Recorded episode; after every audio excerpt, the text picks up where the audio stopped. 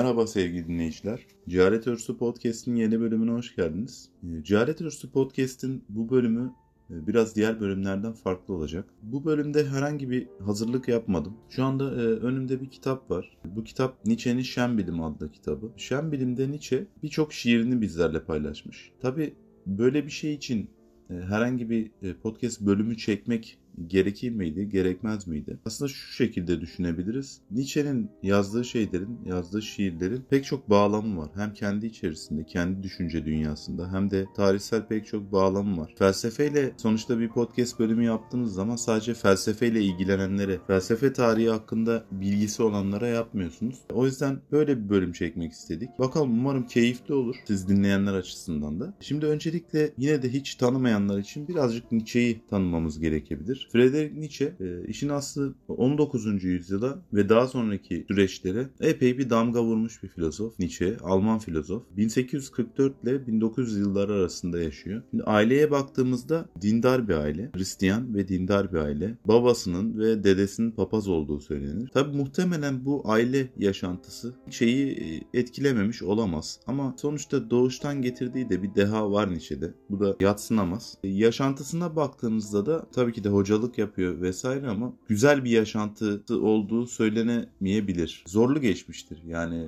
gerek hastalıklarla gerek e, psikolojik buhranlarla gerçekten zorlu zamanlar geçirmiştir. Mesleğini bırakacak kadar yeri geldiğinde zorlu zamanlar geçirmiştir Nietzsche. Zaten bir göçebe bir yaşadığı bir dönem var. Birçok bir eserin de bu göçebe yaşadığı dönemde Şinaslı yazdığı söylenebilir. Nietzsche hakkında tabii e, onun hani hangi bir felsefe geleneğine yerleştirilebilir? Bu konuda belki bir şey söyleyeyim söyleyebiliriz. Genelde varoluşçuluk felsefesi üzerinden değerlendirilir. E, gerçekten de buna uyar ama bazı düşüncelerinde bazen bir idealist gibi görünür Nietzsche. Bazı düşüncelerinde materyalist gibi görünür. İşin aslı birçok şeyi zaten şiirlerinde de şimdi geçtiğimizde göreceğiz. Pek çok şeyi eleştirdiği için hem felsefe tarihinde hem dinler tarihinde birçok meseleyi ele alıp eleştirdiği için, sorguladığı için tam olarak da işte varoluşçu da belki de denemez. Şimdi varoluşçuluk, idealizm ve materyalizmden burada bahsettik. Tabi bunları da anlamamız lazım. Varoluşçuluk her zaman zaten kısaca işte varoluş, özden önce gelir şeklinde değerlendirilen bir görüş. Yani bu idealist filozofların temelde işte Platon'dan başlayan belki Aristoteles'le işte Kant'la vesaire devam eden idealistlerin karşısında olan bir görüş. İnsan bu dünyaya bir şekilde gelir, sıfırdır. Daha sonra özünü oluşturur. Çünkü hani idealist gelenekte ve varoluşçuluk öncesi geleneklerde aslında insanın bir özle geldiği gibi bir düşünce vardır. Bu anlamda işte varoluşçuluk kısaca bu şekilde anlatılabilir. İdealizmde Platon'la başlayan bir gelenek. O da insanın bir özü olduğunu hep de örneği verilir. Menon diyaloğu örnek verilir. Platon'un ya da Sokrates'in hiç geometri bilmeyen bir çocuğa geometri bildiğini göstermesi. Sende bu bilgiler aslında daha önce var. Sen bunları sadece anımsıyorsun gibi bir anlatıya başvurması üzerinden temellendirilir idealizm. Materyalizm de zaten işin aslı antik Yunan'daki Demokritos, Leikipos'tan itibaren belki de daha çok değerlendirilen bir görüş. Üzerinde durulan bir görüş materyalizm. Materyalizmde de madde her şeydir. Madde dışında e, herhangi bir gerçeklik yoktur. Bu maddeler sonsuz bir döngü içindedir denebilir. Ama tabii ki de bu çok daha detaylı ve üzerinde durulması gereken bir konu ama kısaca bunları anlarsak en azından bu anlamda da Nietzsche'nin şiirlerinde veya işte felsefeyle ilgili farklı okumalarda bilgimiz olabilir aslında yavaş yavaş Nietzsche'nin şiirlerine geçebiliriz. Dediğim gibi bu Nietzsche'nin şiirlerini okumamızın nedeni bağlamları birlikte okursak belki daha iyi anlayabiliriz. Bizim için ben burada programı yaparken de farklı düşünceleri beni de götürebilir. Siz, siz dinleyenleri de götürebilir. Ee, bakalım umarım güzel bir program olur. Şimdi ilk şiiri her şiirini tabi burada incelemeyeceğiz. Yılmadan adlı bir şiir.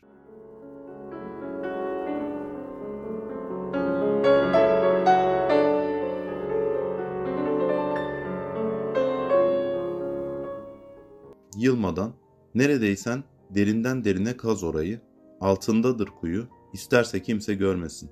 Bırak da karanlık adamlar atsın narayı, altında senin yalnızca cehennem var desin. Şimdi burada sadece şiirin anlamına baktığımızda işte altındadır kuyu, isterse kimse görmesin, neredeysen derinden derine kaz orayı gibi söylemlerden zaten bir insan görüşü var için ve bir felsefeci görüşü de var, bir filozof görüşü de var. Sonuna kadar gidilmesi gerektiğini düşünceler üzerinden derine derine e, gidilmesi gerektiğini salık verir. Burada cehennem kelimesi tabi tesadüfen kullanılmış bir kelime değil. Şimdi Nietzsche'nin düşüncelerine baktığımızda gerçek düşünceleri e, yani Zerdüşt'ünden çok bahseder. Ecce Homo'da kendi düşüncelerinden bahseder ama Ahlakın Soy Kütüğü üzerine adlı bir eseri var. Bu eser gerçekten Nietzsche'yi anlamak açısından oldukça değerli bir eser. Orada Nietzsche bir tinsel intikamdan bahseder. Burada o konuyu çok açmayacağım ama bu şiirde de bahsettiği şey odur. Yani hakikati sonuna kadar ucunda daha kötü şeyler olacak olsa bile araştırılması gerektiğini salık verir Nietzsche.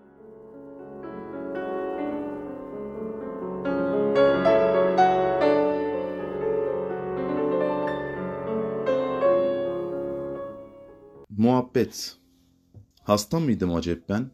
İyi mi oldum? Söyleyin hadi kimmiş benim doktorum? Unutmuşum. Olmuş bunlar bir zamanlar. Asıl şimdi iyisin. Doğru bu yorum. Sağlıklıdır çünkü bütün unutanlar. Şimdi burada tabi sadece sağlıklıdır çünkü bütün unutanlar gibi bir cümleyi alıp işte Instagram'da, Facebook'ta veya Twitter'da bir post olarak paylaştığımızda gerçekten çok beğenilebilir ama cümleyi sadece aldığımızda bu çok da bir şey ifade eder mi? Sevinçlerimiz var. Geçmişte yaşadığımız sevinçlerimiz var. Bizi keyiflendiren şeyler de var. E, bu sevinçlerin de unutulması lazım gibi bir soru sorulabilir. Ama işte burada zaten Nietzsche ondan bahsetmiyor. Bu şiirde geçmişteki acılardan bahsediyor. Burada şöyle bir bakış açısından bakabiliriz. Tabi bu psikolojik şu anda bilimlerin işte psikiyatrinin, psikolojinin yine nörolojinin bilgi alanları. Ama burada ben bu şiiri okuduğumda e, aklıma Schopenhauer geldi. Çünkü Schopenhauer Nietzsche'nin özellikle yazın hayatının büyük bir bölümünde hocam olarak bahsettiği bir isim Schopenhauer. Gerçekten Schopenhauer da çok önemli bir düşünür. Felsefe tarihine çok hakim bir düşünür. Şimdi Schopenhauer'ın şöyle bir görüşü vardı. Geçmişin ve geleceğin pençesinde olanlar ne kadar yani geçmişin ve geleceğin pençesindeyse insan acıyı, çekilen acıyı daha fazla hissederler. Ve bu anlamda mesela köpek aynı acıyı insanla birlikte aynı derecede hissetmez. Çünkü insanda daha iyi bir hafıza vardır ve gelecek kaygısı vardır. Atıyorum dizimiz ağrıdığında bu bize hayat kaygısıyla birlikte daha fazla acı verecektir. Çünkü hani işe gideceğiz, okula gideceğiz ama işte bu diz ağrısı bizi engelleyecek gibi bir düşünceye girdiğimizde bu bize o acının daha da artmasına neden olacaktır ve bu anlamda işte geçmiş ve geleceğin pençesinde olanlar daha fazla acı çekerler. Zaten Nietzsche'nin de işte sağlıklıdır çünkü bütün unutanlar e, derken bizce anlatmak istediği de budur.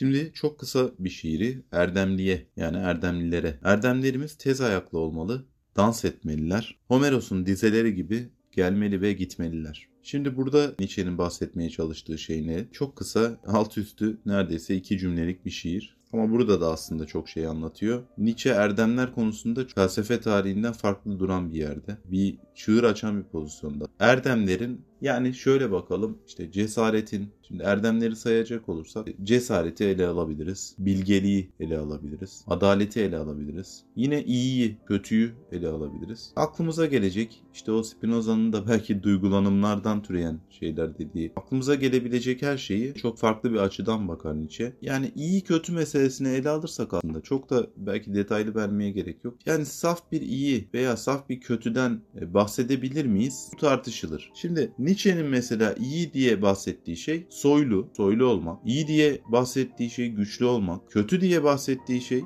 Nietzsche'nin e, bunun tam tersi. Yani bunların tam tersine güçsüz olmak kötüdür. Yine iyi diye bahsettiği şey kurnaz olmaktır Nietzsche'nin. Ve şu da var. iyi diye bahsettiği şey aklımıza gelmişken onu da söyleyelim. Değerleri yeniden değerlendiren iyidir. Şimdi işte burada dolayısıyla erdemlerimiz tez ayaklı olmalı, dans etmeliler derken yani muhtemelen bahsettiği şey zamanla dönemsel olarak iyinin, kötünün, erdemlerin, değerlerin sürekli değerlendirilmesi gerekir. Zaten bu anlamda da şimdi trage mesela tragediyeyi ele alalım. E, Euripides tragediye için çok önemli bir isim. Aristoteles en iyisi olduğunu söyler poetikasında Euripides'in. Bu kadar eser üretmiş bir isim. Nietzsche mesela onun tragediyi bitirdiğini söyler. Tragedyanın doğuşu eserinde. Yani bunun gibi aklımıza birçok şeyi getirebiliriz. Nietzsche bilimlerle mesela felsefeyi aynı yere koyar. Klasik felsefeyi. Niye? İşte klasik felsefede, bilimde bu dünyayı yadırgar der. Şimdi bilim nasıl yadırgar? Mesela bakar, ağaca bakar. Yok der bunun arkasında başka bir şey var. Tohum var, tohuma bakar. Bunun da arkasında başka. İşte atoma kadar gider. Atomdan sonra işte onun da arkasında bir şey var diye gider. Klasik felsefede Platon'la özellikle Sokrates'le başlayan, Platon'la başlayan klasik felsefede zaten Nietzsche'ye göre bunu yapmıştır. E neye koymuştur? Arkaya ideaları koymuştur mesela. Bu Nietzsche'ye göre eleştirilebilir bir şeydir. Daha fazla fazla burayı uzatmayalım. Şimdi başka bir şiirimize geçelim.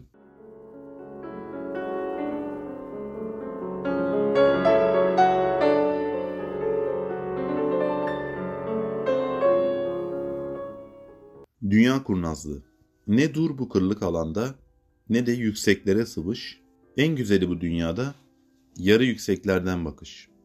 Ee, burada da zaten Nietzsche'nin temel düşüncesini yine görüyoruz. Nietzsche yine Schopenhauer'le birlikte dehaya oldukça önem veren bir düşünür. Şöyle bu hayatın, bu dünyanın işte dehalar tarafından tasarlanıp, oluşturulup veya düşünülüp adına ne dersek diyelim, hangi kavramı kullanırsak kullanalım ve bu şekilde bu dünyanın yaşandığından bahseder Nietzsche ve işte dehalar bu anlamda önemli. Burada tabi ölçüllük erdemiyle ilgili de bir duruşu var. Bu kırlık alanda durduğunda yani çok aşağıda durduğunda zaten hiçbir şeyi anlamayacaksın. Çok yükseklere sıvıştığında yani mesela Herakleitos'u aklımıza getirelim. Herakleitos yükseklere sıvıştı. Ne yaptı? Gitti. Yine Diogenes Laertius'un anlatısına göre münzevi bir hayat yaşadı. Dağa açık mağarada yaşadı yıllarca ve işte vücudu su toplayıp öldü. Anlatılan kaynaklar bu şekilde. Bunu da yapma diyor Nietzsche. Ne çok yüksekte dur ne çok alçakta dur ama biraz hafif de yüksekte ol. Hayatı bu şekilde değerlendir demek istiyor Nietzsche.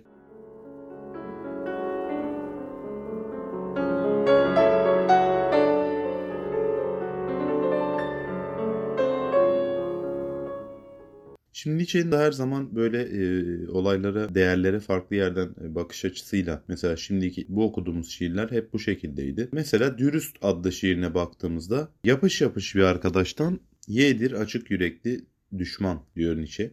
Burada tabii evet dürüstlük üzerinde duruyor ama bir yandan da dostluk, dostluğun nasıl olması gerektiği üzerinde de duruyor. Burada mesela Kikero ile ilgili bir bölüm yapmıştık. Benim genelde aklıma o gelir. Şimdi dostlukla ilgili pek çok şey söylenebilir. Yani mesela Platon'da Lysis adlı diyalogda dostluğu inceler. Yanlış hatırlamıyorsam Fitagoras mesela dostluk uyumlu bir eşitliktir der. Dostluk meselesi mesela İbrahim'in dinlerde de değinilir. Önemlidir, önemli bir değerdir. Burada da yani yapay bir dostluktansa doğal bir düşmanlığı tercih ederim diyor Nietzsche. Burada mesela bu konuda ciddi anlamda dünya sanki anlaşmış gibidir. Hani her açıdan da farklı bakmıyor Nietzsche. Yani bu şiiri bu nedenle de biraz okumak istedim. Şimdi Kikero'dan bahsetmiştim. Mesela Kikero'nun e, dostluk üzerine söylemlerinde şöyle bir şey çok önemli bize kalırsa. Dostluk akrabalıktan daha güçlüdür Kikero'ya göre. E, bunun nedeni de şu. Dostluk bağı diye bir şey varsa bu bağ iyi niyetle kurulan bir bağ. Ama mesela akrabalık bağı kanla kurulan bir bağ. En azından biz insanlar bu şekilde tanımlıyoruz. Dolayısıyla iyi niyet gittiğinde dostluk bitecek. Burası kesin. Ama mesela akrabalık bağında iyi niyet gittiğinde akrabalık gitmeyecek. E bu açıdan mesela işte dostluğun iyi niyet bağıyla, iyi niyet derken nedir? Dürüstlük bağıyla bağlandığını görüyoruz. Yani bu anlamda dostluk işte akrabalıktan daha güçlüdür. Nietzsche de bundan bahsediyor. Bu gerçekten bize kalırsa da dünyanın üzerinde anlaştığı bir konu.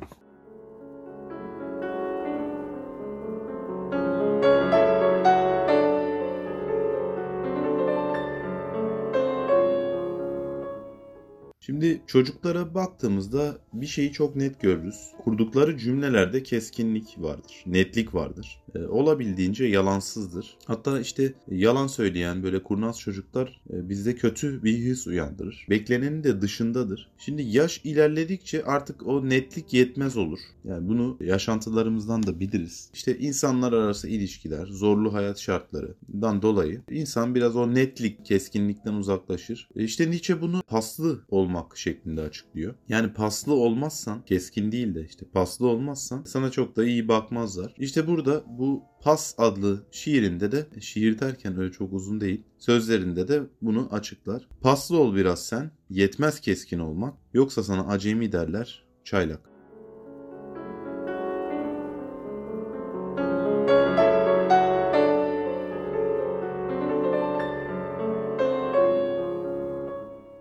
Şimdi bir diğer şiirine bakalım. Hava basanın yüzüne. Şişiriyor boyuna kendini vay canına. Gidersin ha o küçücük iğnenin yanına. Şimdi burada ne kadar Nietzsche işte dehaları ön plana çıkarıyorsa da, ne kadar soyluluğu, Napolyon'u mesela ön plana çıkarıyorsa da, güçlülüğü ön plana çıkarıyorsa da yine de ölçülülüğü elden bırakmıyor. Bu şiirde bunu görürüz. Ne kadar şişirirsen şişir kendini o küçücük iğnenin yanına gidersin şey. Bunun tabi bu meseleyi hem felsefe tarihinde hem de dinler tarihinde pek çok kez bu mesele karşımıza çıkar. Kur'an-ı Kerim'de birçok surede, İncil'de, Tevrat'ta hep bu konu üzerinde durulur. Felsefe tarihinde de çok durulmuştur. Burada mesela Montaigne'in bu konuda hep şu sözü aklımıza gelir. Tavus kuşuna haddini bildiren ayaklarıdır der Montaigne. Yine mesela Spinoza'yı aklımıza getirelim. Şimdi kıskançlık Spinoza'ya göre keder duygusunun bir alt basamağı. Şimdi tabi burada Spinoza'yı tamamen anlatmak, bunu zaten tamamen ben kendi adıma e, Spinoza'yı çok iyi anlatırım vesaire diyemem ama Spinoza'yı burada tamamen anlatmak da bu programın dışına çıkmak olur. Şimdilik onda sadece işte duygulanımların çok önemli olduğunu bilmemiz yeterli ve bu duygulanımlarda nasıl adlandırırsak adlandıralım. 3 tane temel duygunun üzerinde şekillenen duygular. Ee, bunlardan birincisi arzu, diğeri keder, diğeri ise sevinç. Şimdi bu konu üzerinden kıskançlık meselesine baktığımızda çünkü burada bence kıskançlık meselesini ele almamız lazım. Kıskançlık keder duygusunun altında yer alır. Yani bir keder duygusudur. E şimdi doğaca insanlar birbirlerini kıskanmazlar Spinoza'ya göre. Ama aynı doğadaysa kıskanmazlar. Bu önemli. Çünkü bunun nedeni ne şimdi peki? İşte o arzu meselesi. E, keder denen duyguyu insan bünyesinde istemez. Çünkü bu duygu onun varoluşunu dışlayan bir duygudur. E, insan da ve sadece insan değil her şey, doğada bulunan her şey bir varoluş mücadelesinde, bir varoluş isteğinde ki buna konatus der Spinoza olduğu için işte mesela insan doğal olarak birbirini şimdi bu kıskançlık meselesini daha da detaylandırabilir. Şimdi burada kıskançlığı ele aldığımızda bu e, Nietzsche'nin bahsettiği işte şişme meselesini şişme için birinin şişmesi için, böbürlenmesi için yani bir diğeri gerekecektir. Burası kesin. İnsan da mesela bir ata karşı, bir köpeğe karşı veya bir taşa karşı, bilgisayara karşı hava basmayacaktır. Tabi bu da temelinde işte kibiri barındıran bir duygudur. Ve kibir de işte kederle bağlantılı bir duygu durumudur. Dolayısıyla işte Montaigne'de de görüyoruz. Spinoza'da da dinlerin anlatılarında da bunu görüyoruz. Yani kibirli olmak günahtır. Kısaca felsefe tarihinde de günahtır, dinler tarihinde de günahtır. İşte Nietzsche de burada çok farklı bir yerde durmuyor. Kibirin kötü bir şey olduğunu vurguluyor. Saf bir kötü olarak ele alıyor. Değerleri yeniden değerlendiren Nietzsche burada mesela bu değere çok da e, karşı duran bir görüşte değil. En azından burada bunu görüyoruz.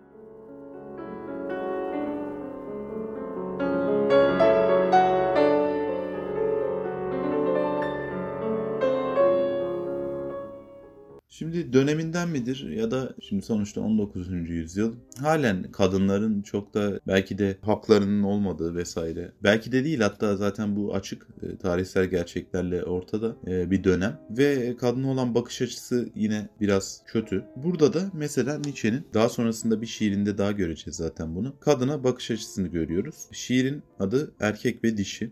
Yağmala beni kadın, yüreğinin istediği kadar diye düşünür erkek Kadın yağmalamaz oysa çalar.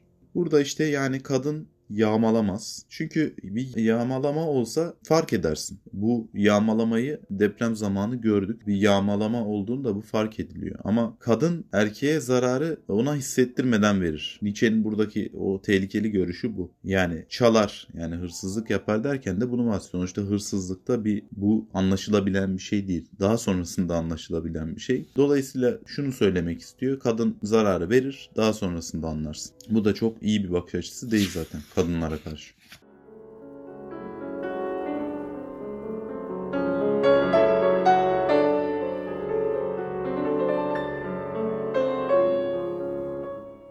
Şimdi bir diğer şiiri karamsarlara ilaç. Artık lezzeti de kalmadı hiçbir şeyin diye mi yakınıyorsun? Homurdanıp da somurtuyorsun ne zamandır? Duyuyorum seni ben. Kusmalarını, küfürlerini bangır bangır. Sabrım taşıyor, yüreğim kaldırmıyor. Da sen hala bakınıyorsun. Tut sözümü sen.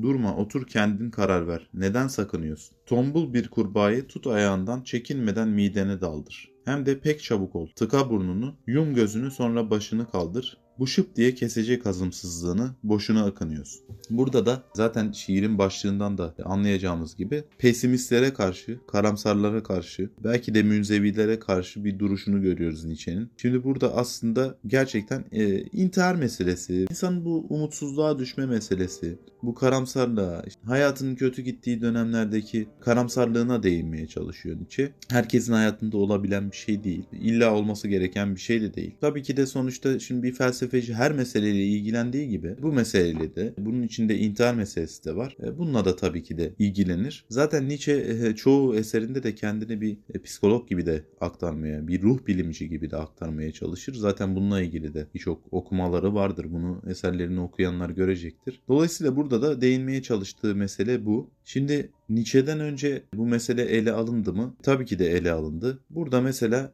pek çok işte antik dönem eserlerini okuyanlar e, görecektir. Bunu ben e, Aristofanes'in eserinde görmüştüm. Euripides'in sözleri bunlar. Aristofanes de o eserinde bir karakterine bunu söyletiyor. Şunu söylüyor o karakter. Gün ışığı görüp görebileceğin en güzel şey. Yerin altında hiçbir şey yok. Ölümü arzulamak deliliktir. İyi ölmektense kötü yaşamak yeğdir. Böyle bir satırları vardı ve işte burada da görüyoruz ta antik dönemden beri bu düşünce üreten edebiyat üzerine veya tiyatro üzerine, sanat üzerine ne üzerine düşünürseniz düşünün bu insanların gerçekten ilgilendiği bir mesele olmuştur. Yine 1632 yılında doğan demin de bahsettiğim Spinoza'da yani bu 17. yüzyılda mesela şunu söylüyor. Hiç kimse kendi doğası yüzünden yemek yememezlik etmez ya da kendini öldürmez. Ancak dış nedenlerin zoruyla böyle bir şey yaparlar. Burada da verdiği örnek Seneca. Seneca'nın damarlarını kesip öldüğünü biliyoruz ve o Seneca'yı şu anlamda örnek verir. Tiranın yüzünden bunu yaptığını söyler Seneca'nın.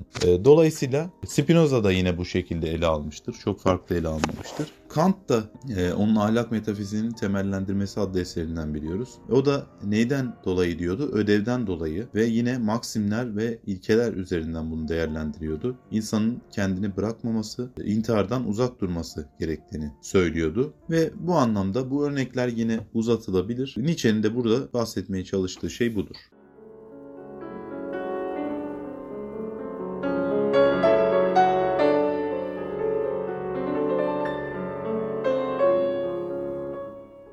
Şimdi bir diğer şiirine bakalım. Çok incelmişlerin ana ilkesi. Parmak uçlarında o yükselmeyi seçer. Sürüneceğine dört ayağı üzerinde.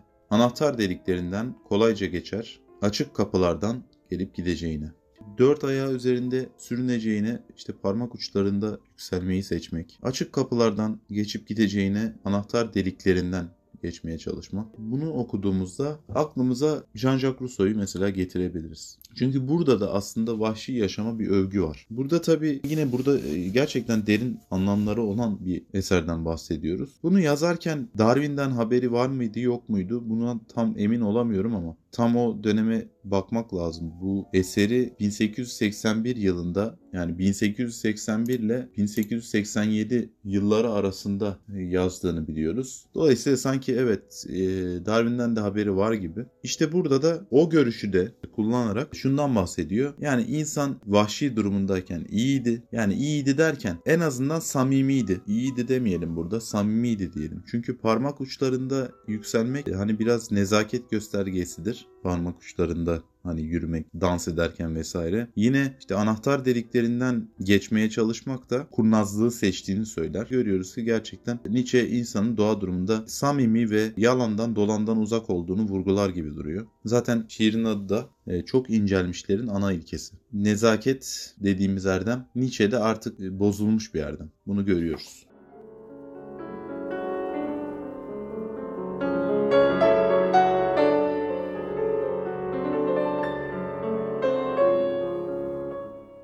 Şimdi yine felsefe tarihi, düşünce tarihi, edebiyat tarihi, sanat tarihi pek çok konuda düşünce üreten insanların hem fikir olduğu bir konu üzerinde duruyor. Nietzsche bu şiirinde. Yüreklendirme. Düştün mü şan ve şöhretin ardına? Öyleyse gel, kulak kesil de dinle. Yazık olmasın git onlarsız yaşa şerefinle. Yani şan, şöhret arzusuyla yaşanılmaması, gösterici düşkünlüğüyle yaşanılmaması gerektiğini vurgular. Burada da yine dinlerden tutalım da çoğu felsefelerde bu mesele zaten aynı şekilde algılanır. Ama insanların da arkeolojik verilere baktığımızda da şimdi burayı okurken aklıma geldi. Şöhret düşkünlüğünün e, arkeolojik kalıntılara, buluntulara baktığımızda da bu gösteriş düşkünlüğünün aslında aynı zamanda çok öne çıkan insanların kullandığı bir şey olduğunu da görüyoruz altın varaklı e, çeşitli eserler, çeşitli hayvan figürleri. Bunların doğu toplumlarında da, batı toplumlarında da. Çünkü hani bu şatafat vesaire doğu toplumlarına da çok yapışmış bir şeydir. Genelde e, tarihçiler, arkeologlar ama bunların batı toplumlarında olduğunu da görüyoruz. E, arkeolojik verilere bakıldığında e, bakanlar da görecektir. Burada da Nietzsche'nin e, ele almaya çalıştığı şey budur.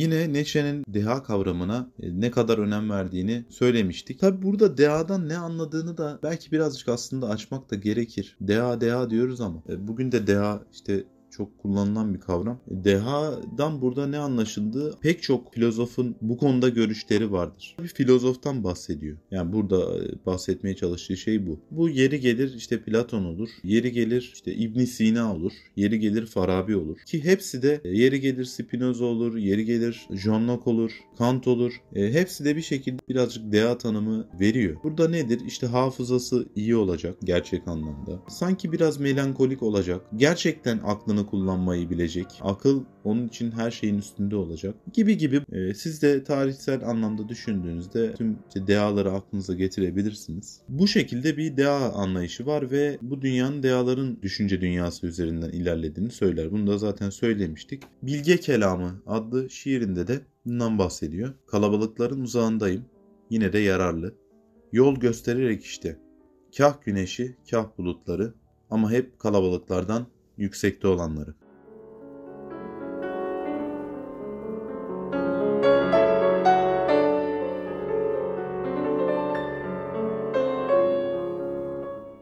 Kadınlara yönelik yaklaşımıyla ilgili çok da iyi olmayan yine bir şiir. Gitti kafa.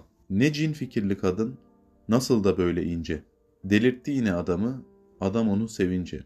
Afet öncesi sahipti kafasına bu kişi. Şeytan girdi kafasına, Hayır hayır bir dişi. Zaten bu şiiri de pek açmaya gerek yok.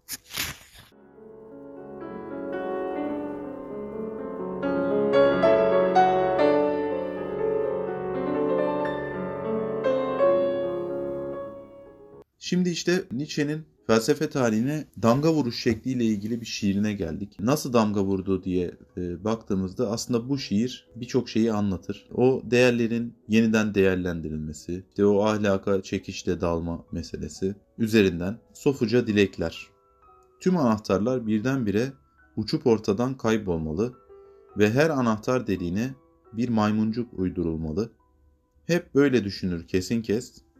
Herkes maymuncuk olan herkes.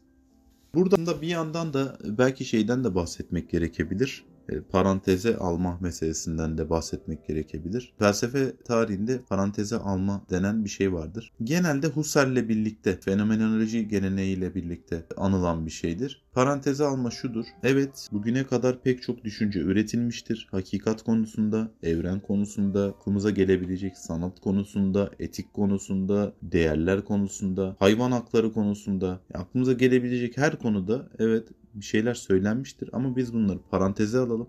Sıfırdan başlayalım. Yeni bir düşünce üretelim. Burada da Nietzsche'nin bahsettiği şey aslında odur. Zaten yapmaya çalıştığı şey de odur. Kimse klasik felsefeye, dine ve bilime onun kadar eleştiride bulunmamıştır.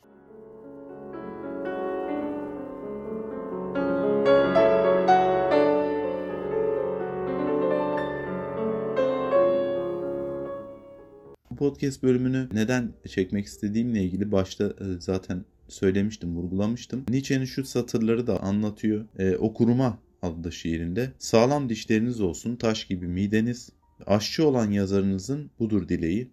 Bir kez kitabı kolayca sindirirseniz, sindirirsiniz içinize kolayca beni.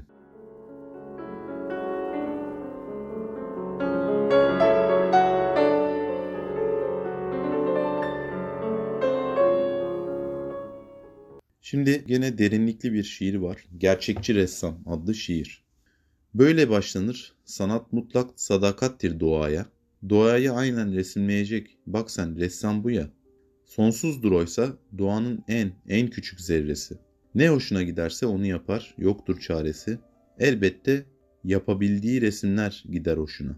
Bu şiiri gerçekten benimseyebilmek için Nietzsche'nin kim olduğunun bilinmesi gerekir. Nietzsche'nin ne anlatmaya çalıştığının bilinmesi gerekir. Burada işte gerçekçi ressamlara bir eleştiri yoktur. Şiirin adı oysa da burada sanat eleştirisi evet vardır. Ama yine temelde mesele e, değerlerdir. O da şöyle yine doğadır. Onu da unutmamamız lazım. Şimdi doğa sonsuzdur. Burada zaten bunu anlatmaya çalışıyor Nietzsche. Ve aslında doğada işleyen hiçbir şey herhangi bir amaç etrafında bir, belli bir düzenle vesaire işlemez. Bir şeyler olur ve bu olanlar da şimdi bunu düşünürken Spinoza'nın görüşüne de benzer bir görüş. Her şey aslında güzeldir. Yani olan her şey, yaşanan her şey, doğada olan her şey belki deprem bile insanlık açısından her ne kadar kötü olsa da e, burada de, bir depremi ele aldığımızda veya bir farklı bir doğa olayını ele aldığımızda o bile aslında doğanın kendi kendine yaptığı bir şey ve o doğaya yine güzeldir. Doğa açısından değişik bir durum yoktur. Şimdi resmi ve sanatı tanımlamamız bunu zaten sanat üzerine yaptığımız podcastlerde de değinmiştik. Genelde bir taklit üzerinden değerlendirme ve sanatçının ne kadar şimdi mesela insan bir insan resmi yapıyor diyelim veya bir ağacın resmini yapıyor diyelim. Ne kadar birebir böyle gerçekçi yaparsa o kadar güzel algılanır gibi bir durum vardır ama işte Nietzsche'de burada tam tersi. Sanat da bu anlamda. Sanat öyle doğaya mutlak sadakat falan değildir. Zaten doğa öyle işler ki öyle rastgelelik içerisindedir ki dolayısıyla bunu taklit etmek de pek mümkün değildir. Yani Nietzsche'nin burada bahsetmeye çalıştığı şey bize kalırsa budur.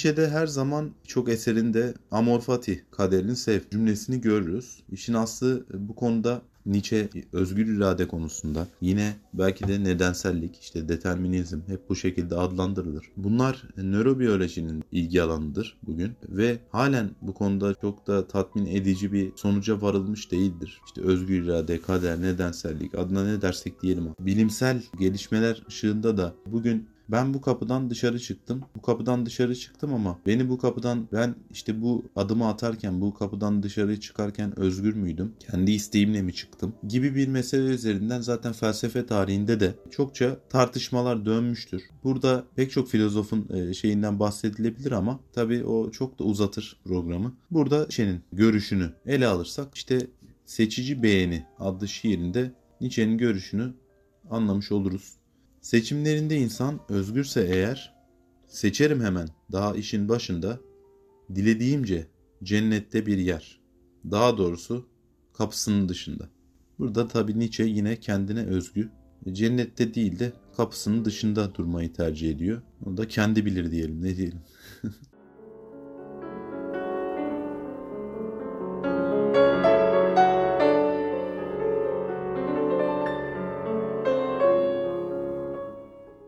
Nietzsche'nin gerçekten çok değer verdiği, çok saygı duyduğu bir filozof var. Ki o filozof da Herakleitos. Herakleitos üzerine günümüze kalan öyle aşırı derecede bir kaynak vesaire yok. Ama az çok tanınabilen biri. E, nasıl biri olduğu az çok anlaşılabilen biri. Dönemin Pers kralı Darius'u reddetmesi. Yine gidip işte bir mağarada işte münzevi bir hayat yaşaması. insanlara biraz yukarıdan bakması. Eleştirel gözle. Devamlı eleştirel bir gözle bakması. E, Nietzsche'nin de belki de kendine örnek aldığı bir yaşam tarzı var Herakleitos'ta. Ama düşünce tarzı da var. Herakleitos bir yandan Nietzsche için gerçekçi bir düşünür. Ne anlamda gerçekçi? İşte bu değerler anlamında gerçekçi, evren anlamında gerçekçi ve Herakleitos için işte dönemin doğa filozoflarının oldukça dışında bir yerde evren e, hiçbir zaman sönmeyen bir ateşti. Buradaki Eke Homo işte insan adlı şiirinde de Nietzsche bunu vurguluyor. Biliyorum nereliyim, bir doyumsuz ateşleyim, Yanıyorum için için, kavradığım ışık olur, ardımda küllerim kalır. Ateşim ben, böyle bilin. Burada da işte Herakleitos göndermesini görüyoruz.